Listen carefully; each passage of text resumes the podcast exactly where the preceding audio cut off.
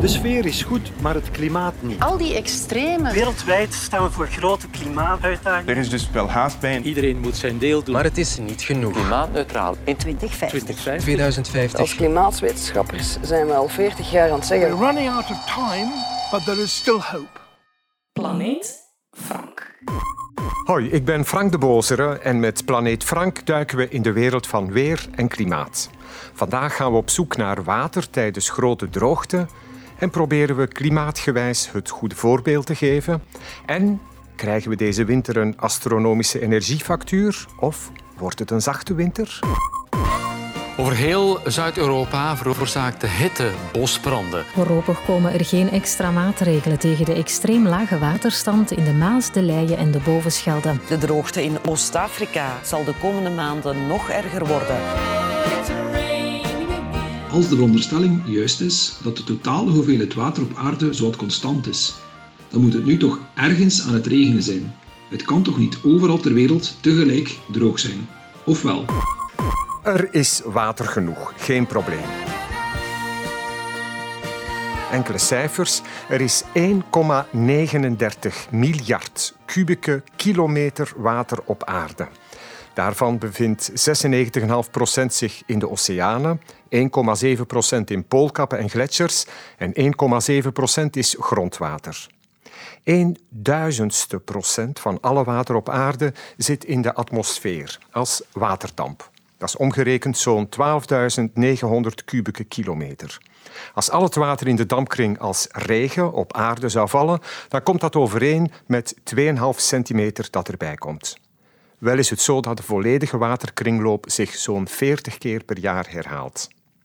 Die waterkringloop of hydrologische cyclus beschrijft hoe water circuleert.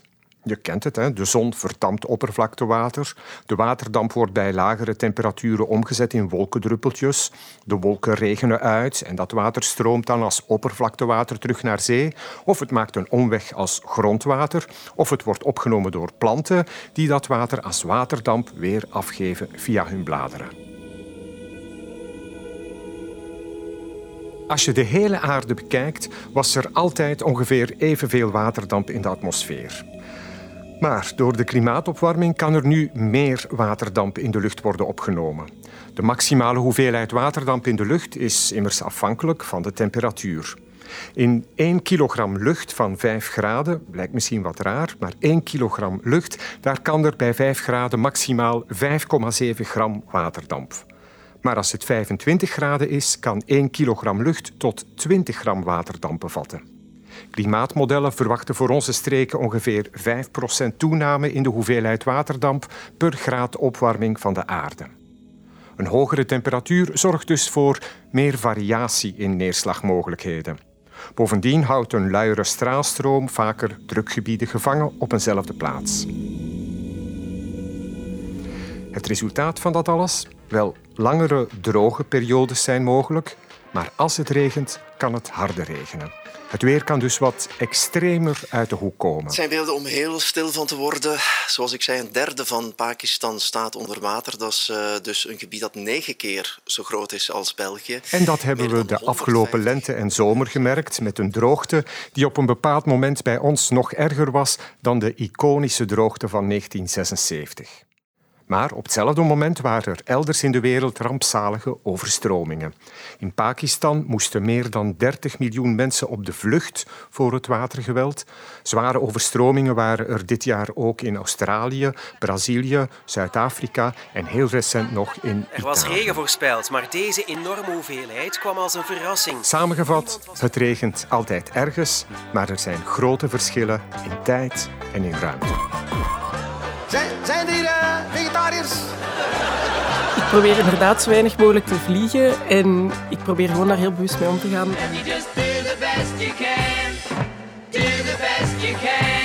Dag Frank, Lore hier. Ik probeer me op een aantal manieren een beetje aan te passen voor het klimaat.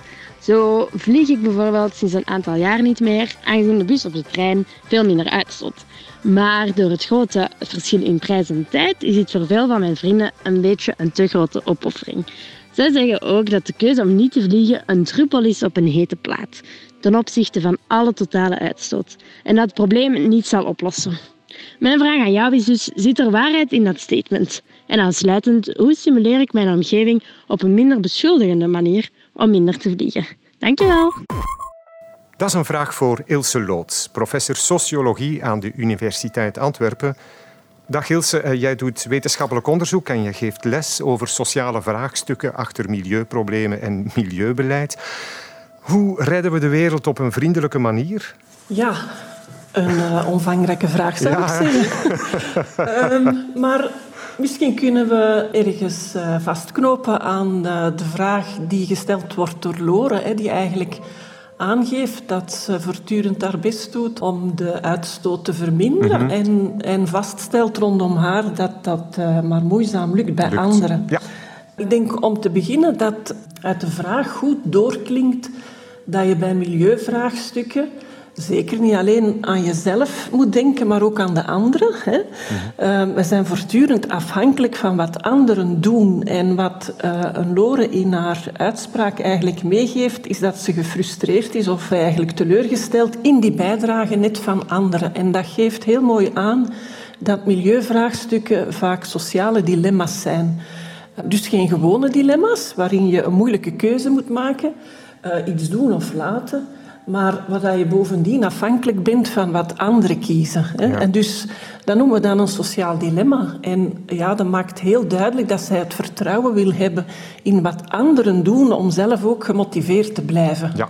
Je hebt daar geen vat op, maar het maakt des te duidelijker, denk ik, dat je dan eigenlijk ook instanties nodig hebt die dat mee kunnen afdwingen of die daarmee stimulansen kunnen geven, zoals een overheid. Mm -hmm.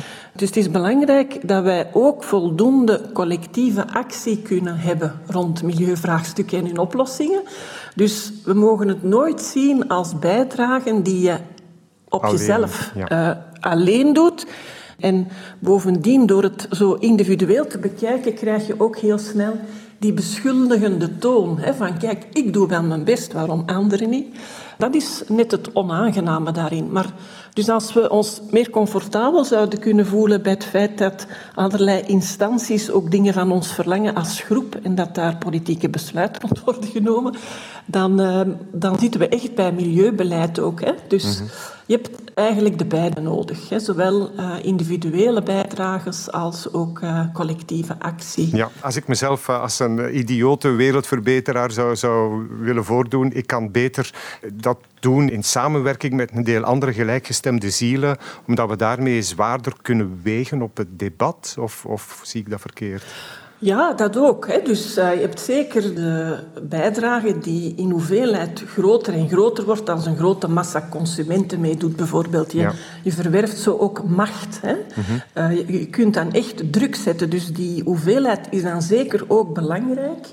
Dus met velen uh, wel bijdragen, wel uh, inspanningen doen, dat loont zich voor, voor heel veel uh, soorten van, van maatregelen die met klimaat te maken hebben. Mm-hmm. Er zijn sommige mensen die zeggen dan, kijk, wij kunnen daar toch niks aan doen, dat is de schuld van de politiek, van de machthebbers, van de multinationals. Wij zijn machteloos. Het is de schuld mm-hmm. van anderen. Ja, Hoe ja. moeten we daarop reageren?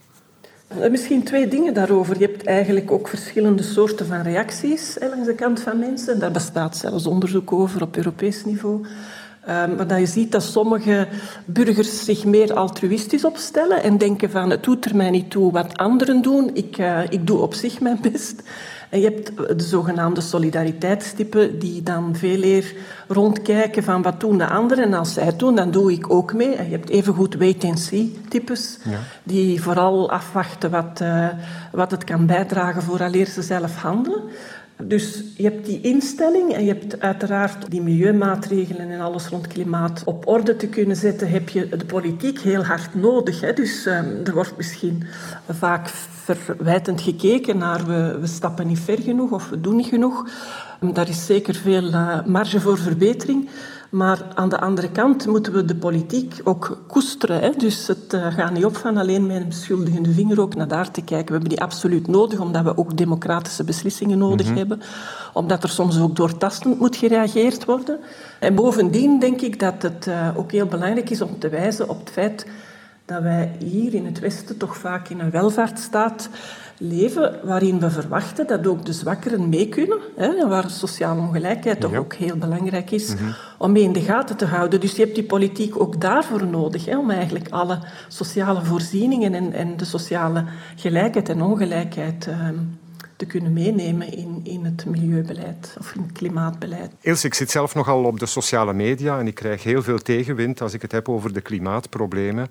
Uh, maar ja, is dat in, in de praktijk? Zien we dat ook in de officiële cijfers? Dat heel veel mensen uh, het niet willen weten? Um, ik denk uh, van niet, omdat je um, officiële steekproeven, zoals die bijvoorbeeld op het Europese niveau worden afgenomen, dat die antwoorden toch sterk in de richting gaan van een bewustzijn van die klimaatproblematiek, van de ernst van de klimaatproblematiek. En wat je op sociale media aantreft, uiteraard, dat is um, eigenlijk het weergeven van opinies. En dat circuleert en dat is een vorm van agenderen, hè, die iets kenbaar willen maken. Dat is een heel andere methode en een heel andere manier om, uh, om informatie op te pikken. Hè. Dus dat is, dat is het verschil tussen, tussen die kanalen eigenlijk ook. Okay. Uh, maar dus in officiële um, bevragingen waarin een steekproef heel representatief wordt genomen voor heel België. Um, daarin zijn toch, is het merendeel van de Belgen duidelijk um, klimaat op een, uh, op een hoog punt gaan zetten. Ongeveer vier op vijf Belgen vindt dat een ernstig probleem, klimaat. En dat is niet weinig. Mm-hmm. En um, een, een drie kwart ongeveer vindt dat de politieke instanties daarvoor te weinig ondernemen. Maar als we dan verder gaan naar wat doe je daar dan zelf ook, welke bijdrage zie je en welke actie vind je nodig, dan kalven die percentages of die aantallen wat meer af. Hè. Dus er is ook altijd een groot verschil tussen wat we vinden dat zou moeten gebeuren ja. en wat we belangrijk achten en en de inspanning die we daarvoor bereid zijn te doen. Dus het is niet omdat je weet dat iets sprangend is of een, een belangrijk vraagstuk is, dat je daar ook naar gaat handelen zelf. Hè. Dus dan spelen uiteraard allerlei belangen mee. En we stellen ook vast dat mensen gewoon ja, geen rationele wezens zijn. Hè. Ze zitten ook een stukje vast in hun, in gewoonten, in hun routines, in het dagelijks leven, in hun recreatie en zo verder. En dat is dus helemaal niet evident om gewoon met een, een dosis kennis erbovenop tot ander gedrag te komen. Hè. Dus dat maakt het ook zo, zo uitdagend. We zijn irrationeel als wij allemaal um, een goede berekening zouden maken van onze vervoerskosten. Zouden we misschien meer voor een taxi kiezen dan voor een eigen wagen. Hè. Ja. Dat doen we toch ook niet. Hè. Ik kom toch terug op, op het feit dat wij eigenlijk moeilijk zijn los te weken uit allerlei gedragspatronen. Hè. Dat we daar ons weinig in laten beïnvloeden door kennis op zich. Oké, okay, Ilse, bedankt. We hebben weer wat bijgeleerd. Dank je wel ook. De dagen zijn zo kort, nu dat het winter wordt. Dag Frank, het is Margot. Ik had een vraag voor jou. Ik vroeg mij af hoe koud het deze winter zal worden. Zal onze energiefactuur de hoogte ingaan of zal het allemaal nog wel meevallen? Winter is coming. Dat is de vraag van 1 miljoen natuurlijk. Hoe guur en hoe duur wordt de winter? Die vraag is niet nieuw. We hebben altijd al willen weten hoe het volgende seizoen zou zijn. Vroeger gingen we daarvoor te raden bij de volksweerkunde. Blinkt oktober in zonnegoud, de winter volgt dan snel en koud. Begin augustus heet, lang en wit het zomerkleed. Tegenwoordig werken we met wiskundige atmosfeermodellen en supercomputers. Die kunnen het weer uitrekenen voor morgen, maar ook voor volgende week, ja, zelfs voor volgend seizoen. Althans, de computers produceren prachtige digitale plaatjes die er perfect uitzien. Maar we weten ondertussen wel dat we best niet te ver vooruit kijken. Kijk, twee simulaties met verschillende computermodellen leveren voor de volgende dag meestal een soortgelijk resultaat op. Maar laat die twee computers doorrekenen voor de weervoorspelling voor volgende week en ze geven soms andere uitkomsten, totaal andere uitkomsten. Kleine verschillen in de begintoestand kunnen na enkele dagen volledig ontsporen. De onzekerheid slaat toe. Vergelijk het met een biljartbal, waarop tien ballen mooi achter elkaar liggen.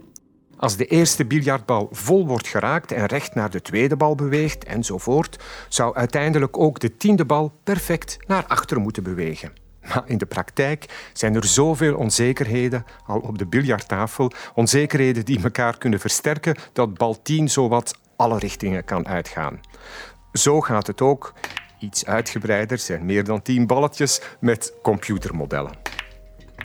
Nu kunnen we in de maanden augustus, september, kunnen we onze computer elke dag opnieuw laten uitrekenen wat er in december, januari en februari zou gebeuren.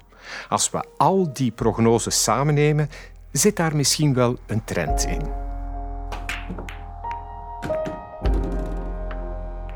Het blijft natuurlijk aardsmoeilijk. Kleine oorzaken, grote gevolgen. Je moet rekening houden met zeewatertemperaturen, luchtstromingen op grote hoogte, zeestromingen enzovoort. Maar goed, hier zijn de resultaten.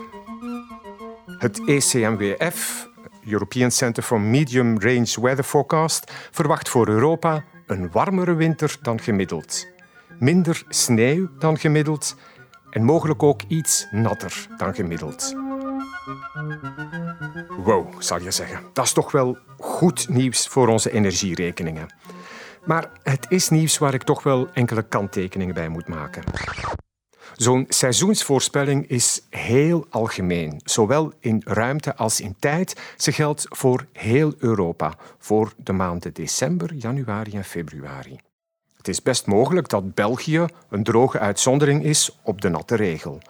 Of dat wij naast enkele warme periodes toch nog twee weken met brutale vrieskou krijgen. Als we op heel lange termijn kijken, binnen pakweg 30 jaar, dan zal door de klimaatopwarming de kans op een koude winter wel erg klein zijn geworden. En we zullen vaker onze paraplu moeten bovenhalen en we moeten hopen dat de noordwesterstormen dan niet te lang inbeuken op onze fragiele kust. Einde van deze podcast. Vragen voor Planeet Frank kan je altijd stellen via het invulformulier op de site, via hashtag planeetfrank of e-mail planeetfrank.vrt.be. Tot volgende maand.